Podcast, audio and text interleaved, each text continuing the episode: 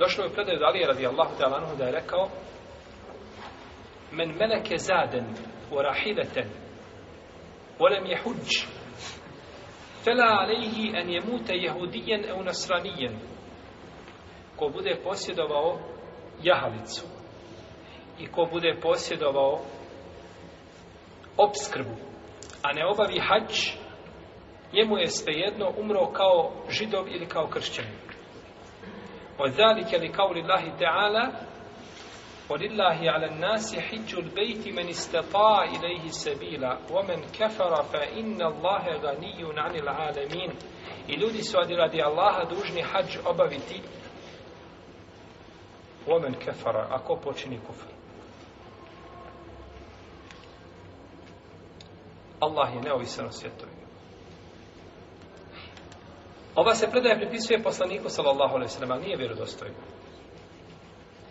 Imamo predaju kod Ibnu kod imama El Bejheqi u njegovom sunenu velikom za koju kaže Ibnu Hajar al Skalani u svome vrijednom dijelu Talhisul Habir da je predaja vjerodostojna da je Omer radijallahu ta'ala anhu rekao Hememtu ene ba'atha riđalen ila, am, ila lemsar fe janzuru ila kulli men lehu dabbe wa lem jehuđ Likej adribe alejhimun džizije, mahum bi muslimin, mahum bi muslimin.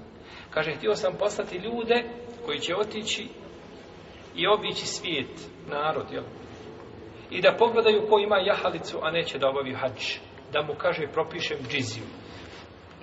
Kaže, to, nije, to nisu muslimani, to nisu muslimani. Pa ko ostavi hađ, ko neće da obavi hađ, on je nevjernik.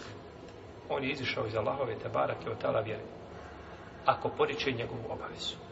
Znači, ako ostavi obavljanje hađa i porekne njegovu obavezu, izišao iz okvira islama. A ako ostavi hađ, ne poričujući njegovu obavezu, nego neće da ga obavlja iz lijenosti ili iz škrtosti za imetkom, od njegovog imana je ostala koliko i svijeća koja dogara i bojati se je za njega da ne iziđe iz imana. I počinio jedan od najtežih grijeha.